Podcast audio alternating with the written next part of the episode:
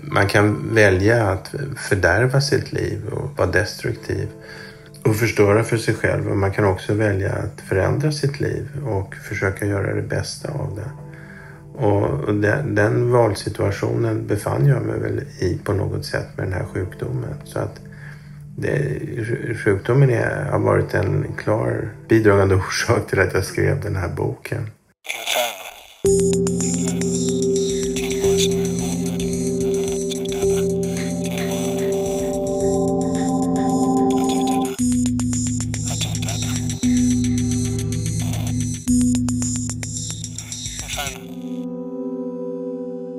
Varmt välkomna till Inferno, podden där vi pratar om det mörker som människor kan drabbas av, men också hur man kan ta sig ut ur mörkret. Och det ska vi fördjupa oss i idag med hjälp av dagens gäst.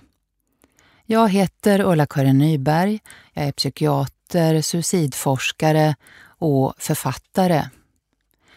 Dagens gäst har jag känt länge, ända sedan jag var underläkare på Radiumhemmet. Han är en känd profil i svenskt kulturliv och vi är många som har lyssnat till hans kloka ord om hur man kan vara en god medmänniska och om konsten att vara snäll. Jag är så glad, Stefan Einhorn, att du är med oss via länk idag. Välkommen!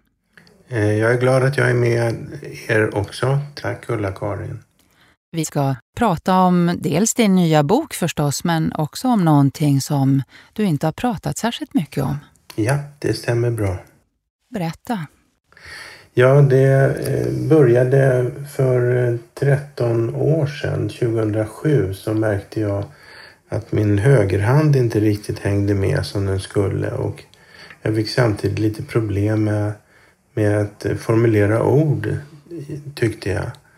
Och eh, efter eh, några månader så sökte jag upp en neurolog som undersökte mig och konstaterade att jag var frisk. Och eh, då var jag nöjd och glad men sen kvarstod de här problemen. Jag gick tillbaks till neurologen han gjorde en ordentlig utredning. Han sa till mig att jag var frisk igen. Och jag gick hem och sen kom jag tillbaks eh, till honom igen efter en tid och sa men det är någonting fel. Och då tittade han mig i ögonen och så sa han Stefan, eh, du har en eh, ångest, eh, ett ångestsyndrom med sjukdomsfobi. Det vill säga jag var hypokondriker. Jaha, sa jag. Det var, det, det var är därför jag är så orolig. Så då skickade han mig till en psykiater och en psykiater satte mig på antidepressiva. Och då blir man ju glad. Och eh, så gick det faktiskt fem år. Eh, och jag tänkte att det är väl ingenting då. Och sen efter fem år så kände jag att nej, det här är, det är något som inte stämmer. Så jag bad den här psykiatern som också var neurologutbildad att undersöka mig. Och han kom då fram till att jag har Parkinsons sjukdom och det var 2012. Då... Så du under, alltså under så lång tid, trots att du är professor i onkologi och väldigt kunnig om olika sjukdomstillstånd, så trodde du honom och väntade så länge med kontrollfrågan? Ja, för att jag litade ju på doktorn. Det ska man ju göra, är det sagt.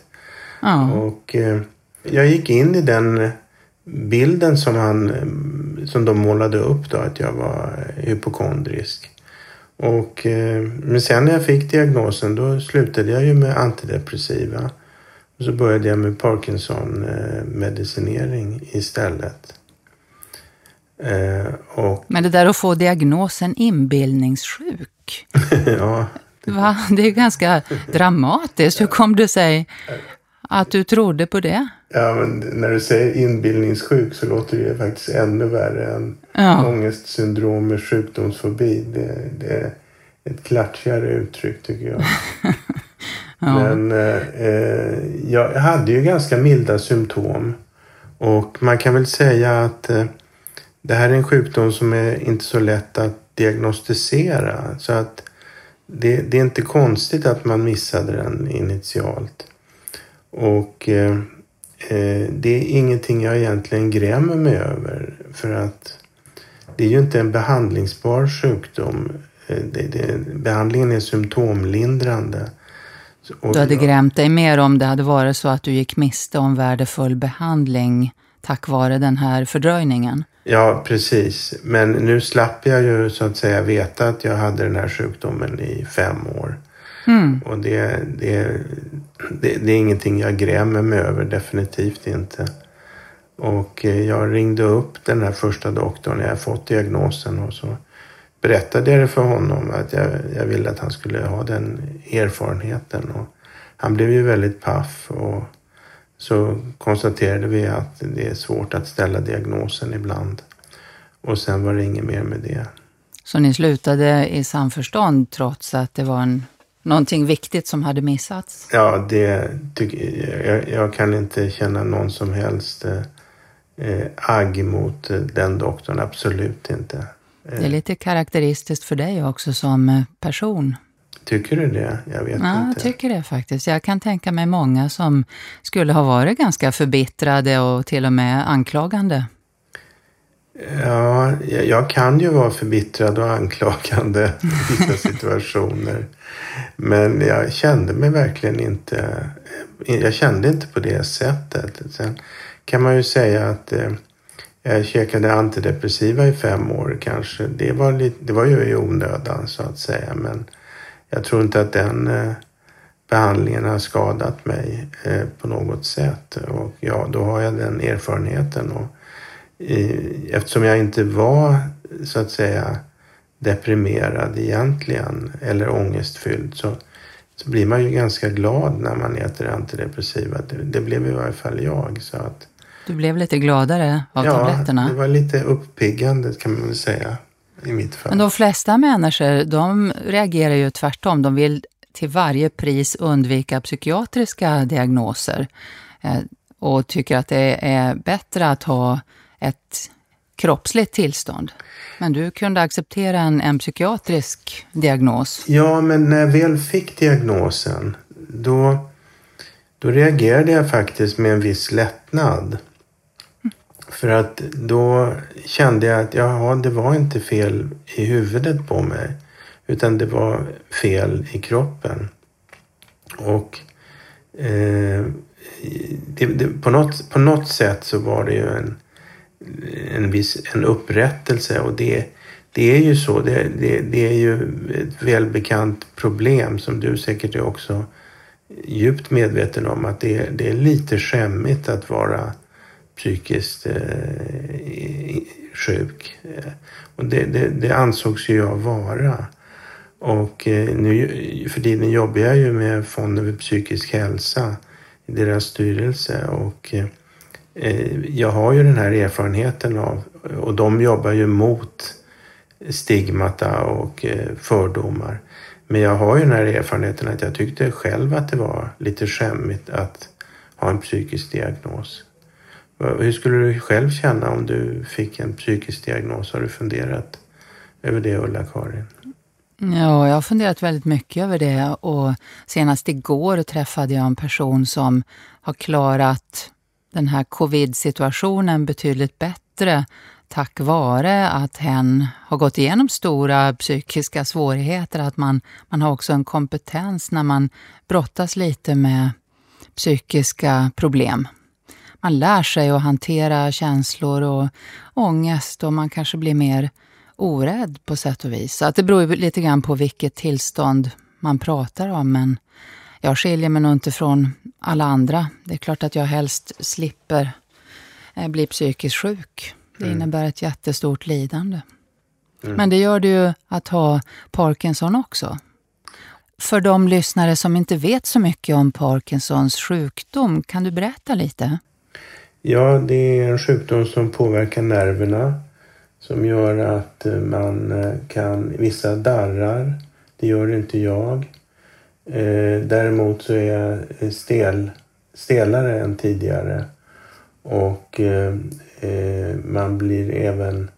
Man kan ha en rad olika symptom men de främsta symptomen som jag har är att jag kan bli trött ibland och att jag eh, eh har den här stelheten som gör att det, det kan vara lite svårt att komma igång på morgnarna till exempel. Eh, så ser det ut för min del. Men det finns alla möjliga varianter av den här sjukdomen. Hjälper medicinen? Ja, det gör den. Den hjälper. Och eh, utan medicin skulle jag nog vara ännu tröttare och ännu stelare. Du och jag har pratat väldigt mycket om många olika saker, men det här pratade du inte så mycket om. Hur du mådde och hur din kropp fungerade och hur det kändes.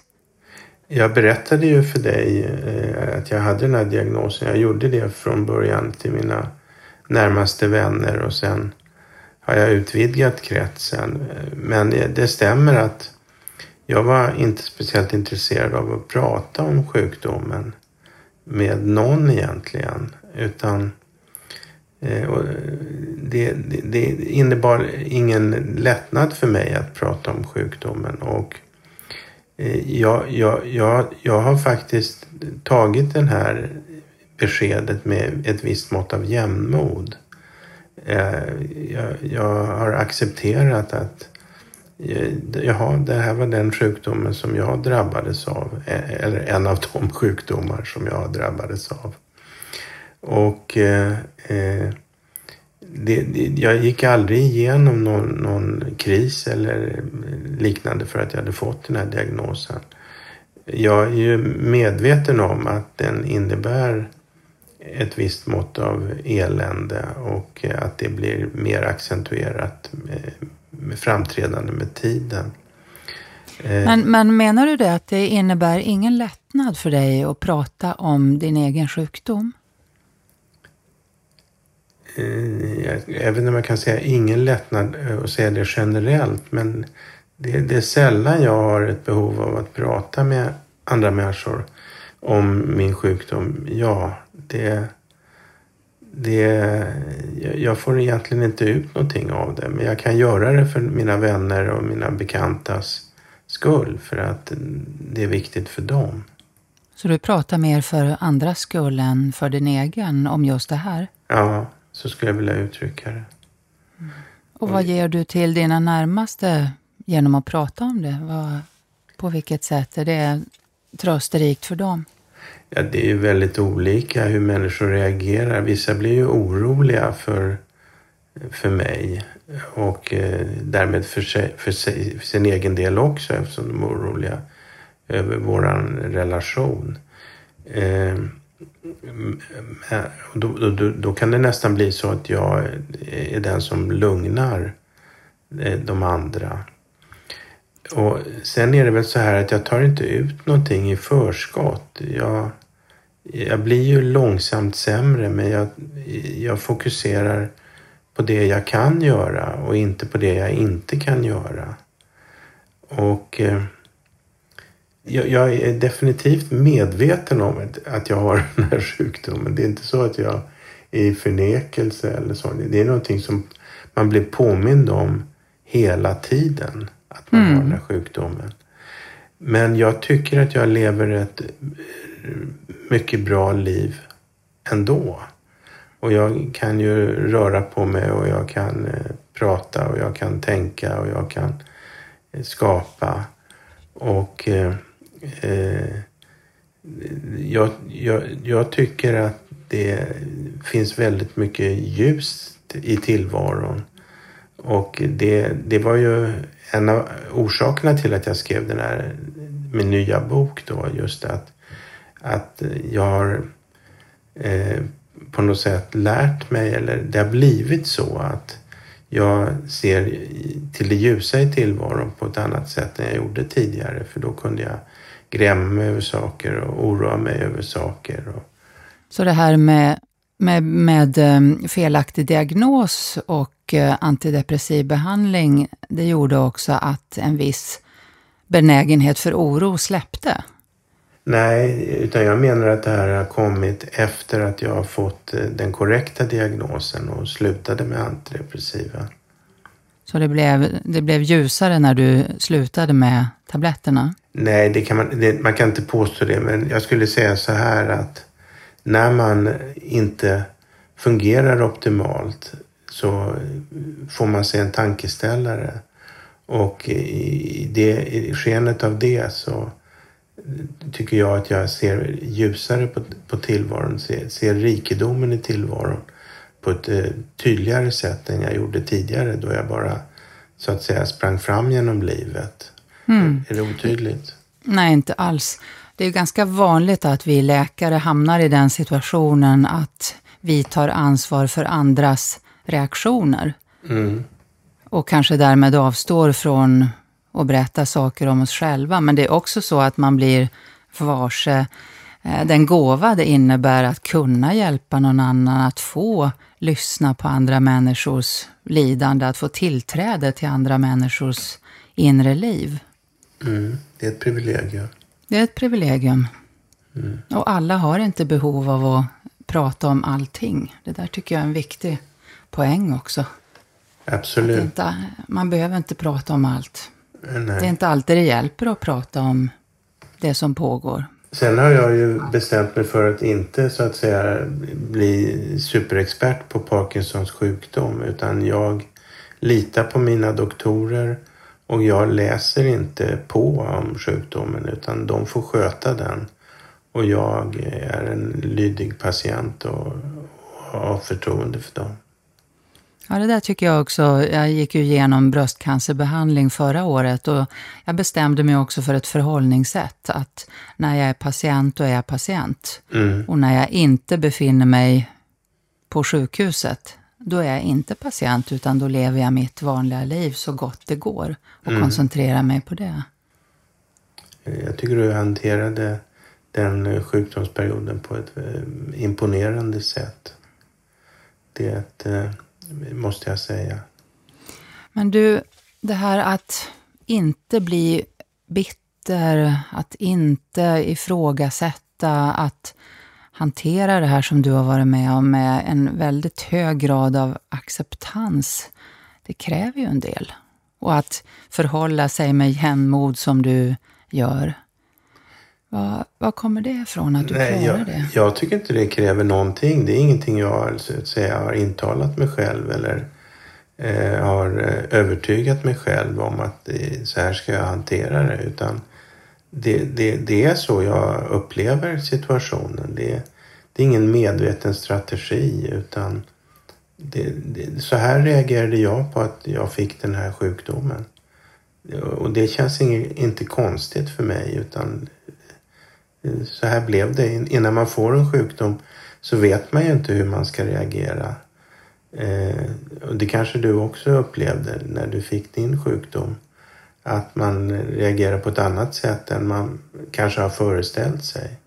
Ja, man har ju ingen aning. Jag hade nog föreställt mig till exempel att jag skulle tycka det var jobbigt att tappa håret, men det gjorde jag inte. Ja, men du hade så snygga sådana här bandanas. Så ja, det var väl därför. Det är, nog, det är nog därför, tror jag. Ja. Men, men ändå, du väntade ganska länge med att berätta för många ja. om det här. Vad blev det, åtta år? Ja, jag... Eh, det var väl flera skäl till det. Dels tyckte jag det var privat. Och eh, det, eftersom jag är lite officiell person så eh, tyckte jag det var lite besvärligt att gå ut i offentligheten och berätta om det här. För jag vill inte att människor ska tycka synd om mig och jag vill inte att människor ska prata om mig. Och jag vill inte att jag så att säga kopplas till en sjukdom. Att det, det är det man tänker på när man träffar mig, en sjukdom. Du vill inte ge Parkinson ett ansikte? Nej, så kan man uttrycka det. Eh, så det är flera olika skäl till att jag tyckte att jag, jag håller det här i en begränsad krets. Och, eh, och sen var det lite spännande sådär för att under, under åtta år har jag alltså upplevt att eh, inte omvärlden känner till det här. Och nu får jag uppleva hur det känns att omvärlden vet om det här. Och det, det blir som en, ett experiment med en väldigt liten kontrollgrupp. Hur, är det stor skillnad? Hittills kan jag inte säga att det varit stor skillnad. Eh, en del människor har hört av sig och eh, varit uppmuntrande. En del har hört av sig och tycker att det är så förskräckligt att jag har den här sjukdomen. det Orättvist. Inte, ja, men det är kanske inte är det bästa att få höra när människor beklagar djupt att man har en sjukdom som man på något sätt själv har accepterat att man har. Och, eh, men många har, har, har, så att säga, som det brukar vara med sjukdomar, att många har inte hört av sig och är väl osäkra på hur man ska bemöta det, det här med att jag har den här sjukdomen. Så att eh, det finns alla varianter. Vad tycker du om mitt beslut? Vi har ju pratat om det många gånger. Vi har ju pratat om det och jag tycker att eh, du fattade helt rätt beslut utifrån hur jag känner dig. Så att eh, det låter som att du har bestämt själv utifrån vad du, utifrån dina behov. Och mm. det är ju det viktigaste. Att inte göra någonting som man tror förväntas av en, utan faktiskt känna efter och så fatta ett beslut som också kan vara lite obekvämt, men som är mitt. Och så stå för det. Du har ju en beundransvärd konsekvens i det här, tycker jag. För det har ju, du har ju blivit missförstådd ibland. Det är ju oundvikligt när, man, när det märks att, att någonting är förändrat. Ja, just det. Sen, men sen har jag ju min höftproblematik. Jag ju, opererade ju höften för några år sedan och det gick inte så bra. Och därefter har jag haltat så att många har så att säga fäst sig vid eh, hältan och ingen, inte uppfattat att det är något annat som är fel. Men andra har uppfattat att det finns något som är fel och det är ju också en anledning till att jag berättar naturligtvis att jag vill inte att eh, ryktet ska gå på stan att jag är alkoholist eller att jag haft en stroke eller liknande. Utan då är det bättre att man är öppen. Eh, så tänker jag. Ja, jag, jag, tänker nog alltid att människor är experter på sin egen situation och man kan inte fatta beslut åt någon annan. Man kan, man kan prata och lyfta olika aspekter men till slut så är det den personen det gäller som måste bestämma. Mm. Men då är det väldigt viktigt att man känner in den personen.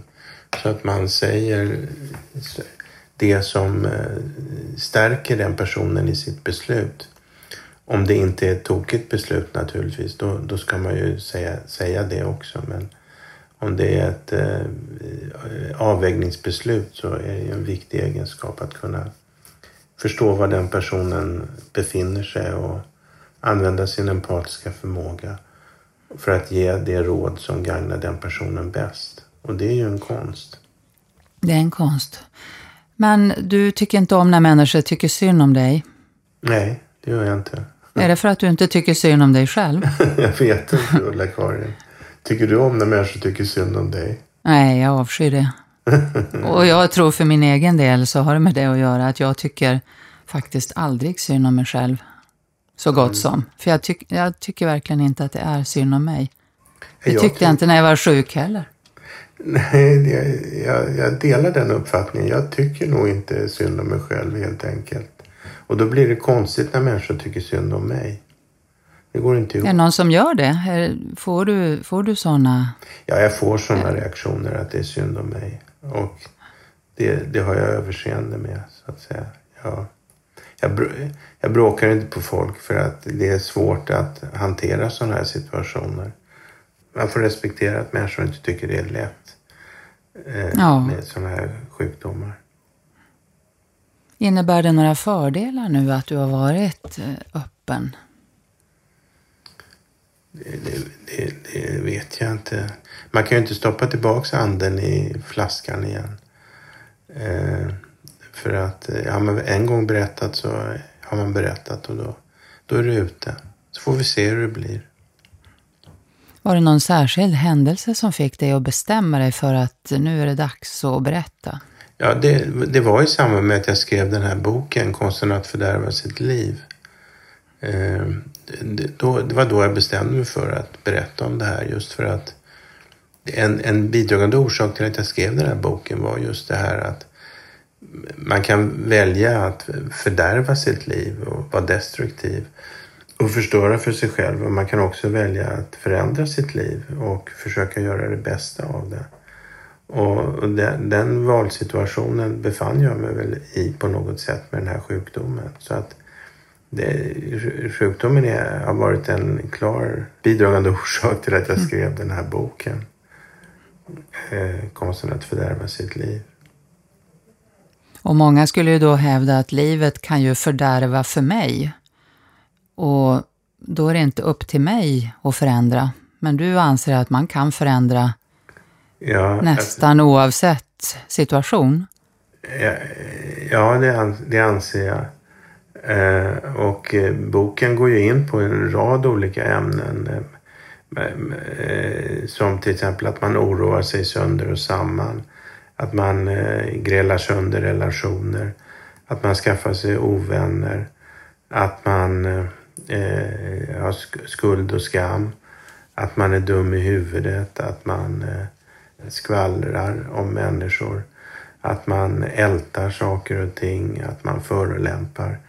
Den tar upp, det är en så kallad instruktionsbok i hur man fördärvar sitt liv. För jag menar att ska man göra något ska man göra det ordentligt. Så att vill man sabba sitt liv så ja, ska man definitivt läsa den här boken. Då ska man veta hur man gör. Så då får man reda på hur man gör. Och den är ju naturligtvis skriven med glimten i ögat. Eh, och hela tanken är ju naturligtvis att om man vill leva ett bra liv då ska man göra precis tvärtom. Och den var rolig att skriva va? Ja, den var jättekul. Den är väldigt rolig att läsa. Ja, tack. Det var en av de roligaste böckerna jag har skrivit faktiskt. Den, det var ett underhållningsvärde och jag kan ibland tycka att det är tråkigt att boken är skriven för att det var så kul att skriva den. Mm. Allting har en ände och bokskrivande har också en ände. Så förr eller senare måste man lämna ifrån sig manuset. Mm. Men tror du att det mesta här i livet då är tillgängligt för för förändring utifrån ett eget arbete? Eller finns det mycket biologi i det här också? Det är klart att det finns mycket biologi, men det hindrar ju inte att man kan så att säga övervinna de biologiska förutsättningarna. Och eh, jag, jag, tror att vi har en väldigt stor förändringspotential. Och vi har ju alla mörka sidor, motkrafter, dåliga egenskaper som gör att vi snubblar fram genom livet. Och det viktiga är då att man blir medveten om vilka egenskaper man har. För att eh, om man har den självinsikten så kan man göra någonting åt det. Men om man inte är medveten om vilka egenskaper man har, ja, då blir man ett hjälplöst offer för de här egenskaperna. Sen gäller det att fatta beslutet. Vill jag ändra den här egenskapen? Och sen måste man göra själva arbetet. Och eftersom man i regel har levt med en egenskap i hela sitt liv så är det inget lätt arbete. Men det går definitivt att genomföra. Därmed gör man ju sig av med en, ett problem som ställer till det för en själv och som ställer till det för sin omgivning. Och syftet med boken är att man ska känna igen sig och bli medveten om men det där, så där gör jag också. Eh, och eh, blir man medveten så får man välja sen. Vill man fortsätta fördärva sitt liv eller vill man göra någonting bra av det? Det är upp till var och en. Kan sjukdom fungera så då att man blir mer medveten om egna både styrkor och tillkortakommanden? Ja, det är, alltså, jag brukar säga att tre saker kan hända en människa i en, en livskris och en svår sjukdom är ju en form av livskris. Och det första är att man eh, bryts ner av den här krisen och det andra är att man seglar igenom den och sen eh, ruskar på, på sig själv och så går man vidare och ingenting har egentligen hänt. Och den tredje varianten är att man mognar och utvecklas som människa genom krisen. Och det går inte att säga i förväg vilken kategori vi tillhör. Människor är ofta inte medvetna om att de har mognat och förändrats. Människor brukar i regel uppleva sig själv som samma person som de har varit hela livet. Det är omgivningen som märker om man har förändrats eller inte. Så när människor kommer och säger att jag har gått igenom en sån mognadsprocess. Då är jag alltid skeptisk för att eh, det är ingenting man egentligen brukar uppleva själv. Och jag känner mig definitivt som samma grabb som jag var i 25-årsåldern. Jag tror vi är ganska lika varandra. Jag tänker också, jag träffar ju människor i yttersta nöd. Jag tänker alltid att det finns krafter och det finns motkrafter och det gäller att hitta de här motkrafterna. Om jag till exempel träffar någon som har bestämt sig för att ta sitt liv, då pratar jag mycket mer om livet än om döden. För att det, det är det som går att förstärka, det är det som blir konstruktivt. Och det gäller ju också att hitta det som går att förändra istället för att koncentrera sig på det som inte går att förändra. Och det tycker jag du verkar göra. Mm. Du har ett väldigt stort fokus på det som går att förändra istället för att fastna i det som faktiskt är som det är. Ja, precis. Sjukdomen kan ju inte påverka mer än att jag kan röra på mig och äta mina mediciner. Men det finns gränser för hur mycket jag kan påverka det. Men just det här med acceptans, att att bestämma sig för att acceptera att det är som det är, men ändå jobba för att inte fastna. Så accept, vi, många människor har ju målet att det ska kännas bättre, att man ska må bättre, att man ska känna sig lyckligare istället för att acceptera, nu är det så här, men jag kan ändå leva mitt liv. Mm. Och det där hade du tidigt som inställning, eller hur? Ja, eh, tydligen har jag haft det som inställning. Och det, återigen, det är ingenting jag bestämde mig för utan det, det, det var på det sättet helt enkelt. Man har ju gjort undersökningar på människor som har fått ryggmärgsskador och blivit partiellt delvis förlamade. Och ett år efter att de eh, blev förlamade så är de nästan lika lyckliga som de var innan olyckan. Sen har man gjort studier på människor som eh, har vunnit eh, massor med pengar på eh, lotteri och liknande. Och ett år efter att de har vunnit de här pengarna så är de ungefär lika lyckliga som de var innan. Så att vi har en verklig förmåga att så att säga eh, anpassa oss efter eh, omständighet. Omständighet.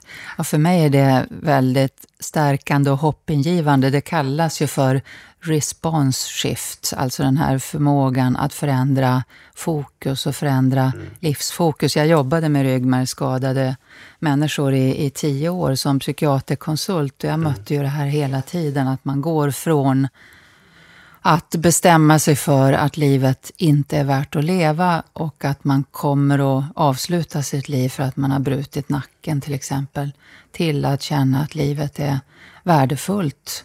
Mm. Och att man har hittat helt andra mål i sitt liv. Mm. En någon som har spelat hockey hela sitt liv till exempel och bryter nacken i ett fall. Mm. Kan känna att livet är totalt meningslöst men hittar sen till någonting nytt. Mm. Det... Och det är väl hoppingivande att vi har den förmågan, vi människor. Ja, det är fantastiskt tycker jag. Det är fantastiskt.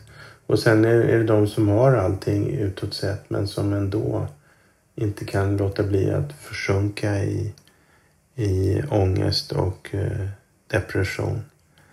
Så att eh, vi, vi, vi, vi har hela skalan där hur vi kan välja att hantera livet.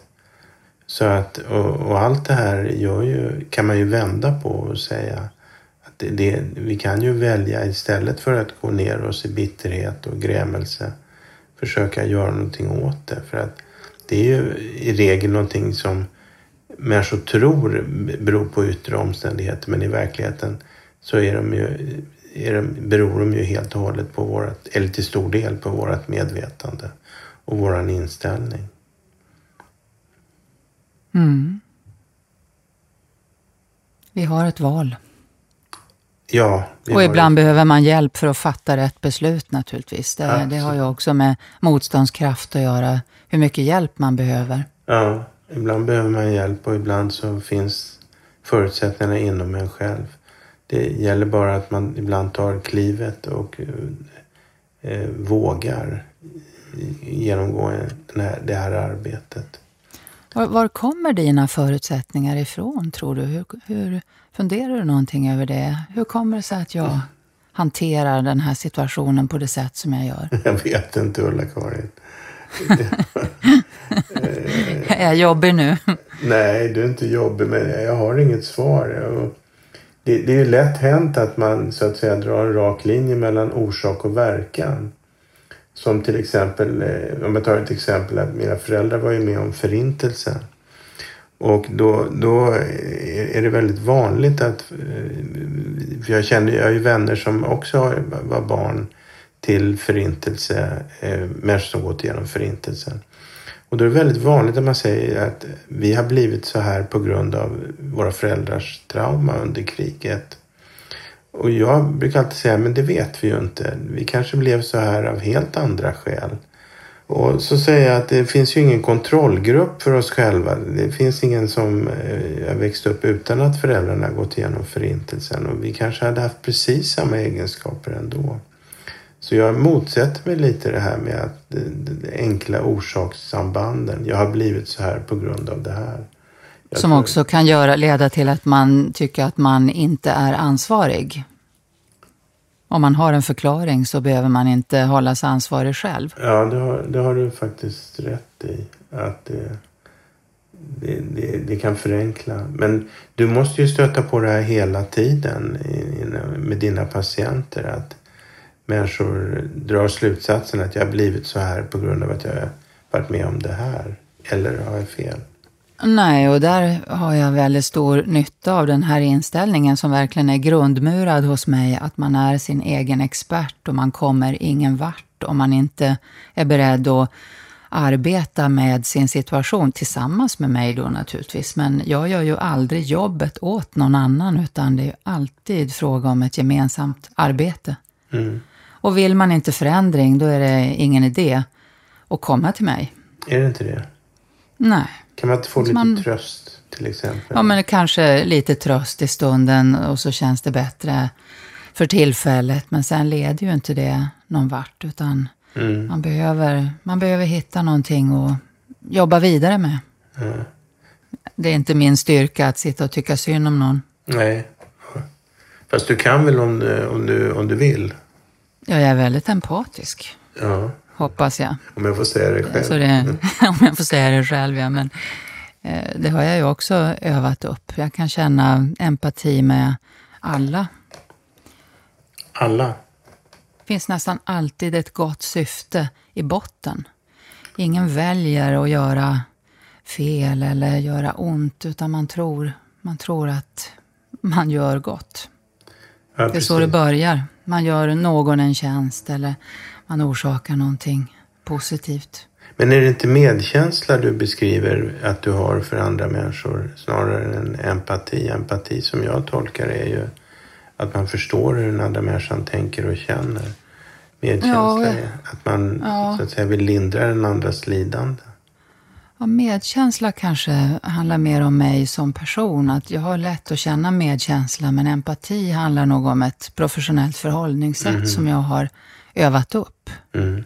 Ja, att, att skapa någon slags rymd runt det som händer i rummet, någon slags frihet. Att här får man berätta vad som helst. Man kommer inte att bli dömd, ingen kommer att moralisera över dig, utan så här är det just nu. Och sen mm. kan vi hitta en väg framåt. Vackert, vackert beskrivet. Du Stefan, min, min erfarenhet ändå om man ska hjälpa en människa att jobba med sin situation. Mm. En människa som lider och har varit med om någonting riktigt, riktigt svårt. Så är det oerhört viktigt att man har respekt för lidandet. Att man verkligen visar att man ser och försöker förstå det som den här människan går igenom. Att man inte är för snabb med att hitta alternativ som alternativa sätt att förhålla sig. Om du skulle träffa någon som brottas till exempel med en svår sjukdom och så tänker du att den här personen skulle ha stor glädje av att läsa min bok. Vad, hur skulle du möta den människan? Det är naturligtvis mer komplicerat än så att de läser konsten att fördärva sitt liv och sen blir de lyckliga personer. Det finns ju tusen anledningar till att människor är olyckliga. Och eh, det viktiga tycker jag är att när, när man möter en sån människa så eh, att man gör vad man kan på det sätt som gagnar just den här individen. För människor är ju inte stöpta i samma form. Utan eh, lidandet ser olika ut hos människor. Och förutsättningarna också att hantera det ser olika ut, precis som du har sagt. Ja. Och, det viktiga som jag ser är att man, att man förstår den andra. Och det gör man ju med sin empatiska förmåga. Och sen att man visar den personen medkänsla och en vilja att minska den personens lidande. Det, mm. det, det ser jag nästan som en livsuppgift att försöka så att säga ge människor förutsättningar att leva bra liv. Och det är därför jag skrivit alla, många av de här böckerna som Konsten att vara snäll och Vägar till visdom och medmänniskor. medmänniskor. För att eh, så att säga hålla upp en spegel för att människor ska kunna se att, att det finns förutsättningar att skapa någonting bättre, ännu bättre eh, som individer och som grupp och som samhälle. Och eh, eh, på det sättet kan man väl säga att jag försöker lämna ett pytte, pytte, pyttelitet bidrag till en bättre värld. Och eh, det kanske låter lite magstarkt men jag tycker att alla människor ska ha den strävan att bidra till att världen blir aningen bättre. Och det är väl också en central tanke för Fonden för psykisk hälsa. Du har ju suttit i styrelsen betydligt längre än vad jag har gjort. Kan inte du berätta lite grann om den här fonden och vad man jobbar med? Jo, visst, den skapades på 90-talet, 93 om jag minns rätt. Och eh, vi jobbar då dels med att öka kunskapen om psykisk eh, hälsa och psykisk ohälsa eh, genom att eh, sponsra och stötta forskning inom området. Och dels arbetar vi med eh, information och kunskapsspridning för att minska fördomar, minska stigmata som ju gör situationen ytterligare svår för de som lider av psykisk ohälsa. Att, som vi har varit inne på lite tidigare, det, det är ju mer skamligt att ha en psykisk sjukdom än att eh, ha en fysisk sjukdom. Och, det, det, menar vi att det, det, det, finns ingen anledning att man ska ha det egentligen. För att eh, i, i regel har ju båda sin grund i kemiska processer. Så att det är inte mer skamligt med den ena eh, formen av sjukdom eller den andra. Och eh, vi, vi delar bland annat ut fördomspriset eh, varje år för någon, till någon som har arbetat för att minska fördomar och, och eh, tabun runt den här sjukdomen. Och vi samlar in pengar för att eh, Eh, bedriva informationsverksamhet men i ännu högre grad pengar för att stötta forskning på psykisk ohälsa. Alla känner vi ju någon som har psykisk sjukdom. Om vi inte själva har det, psykiska besvär så känner vi ju människor i vår omgivning som har det.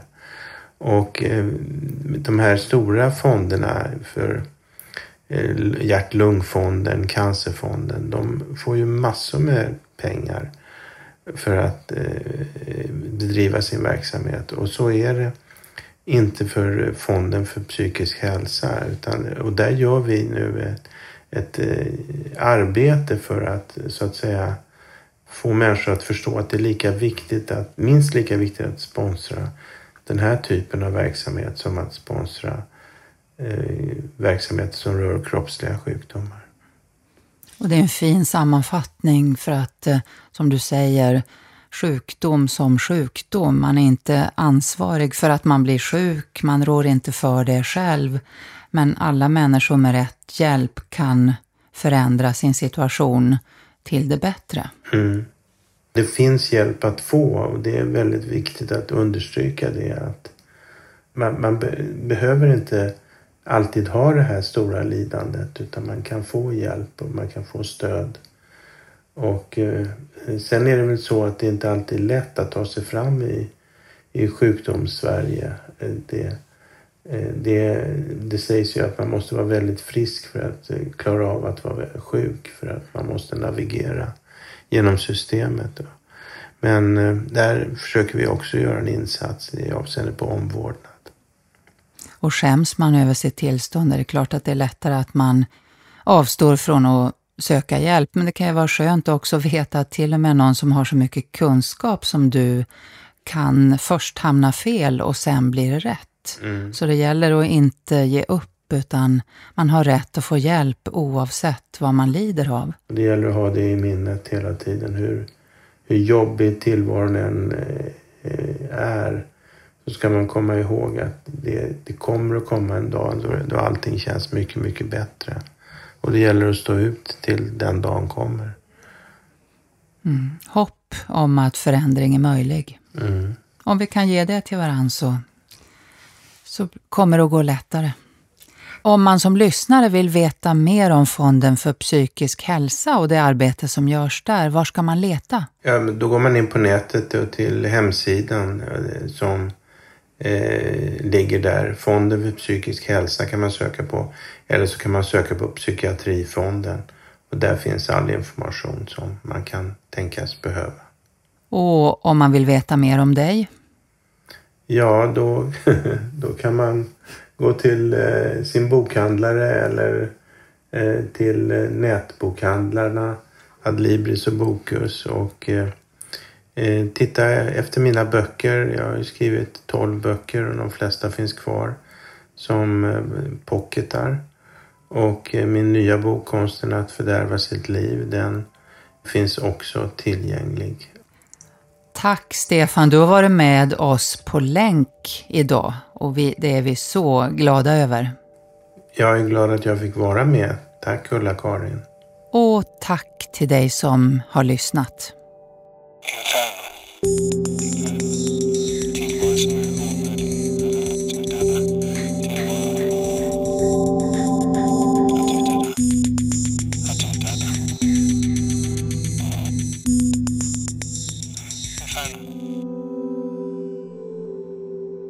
Det här programmet görs på Beppo. Beppo. Beppo. Beppo.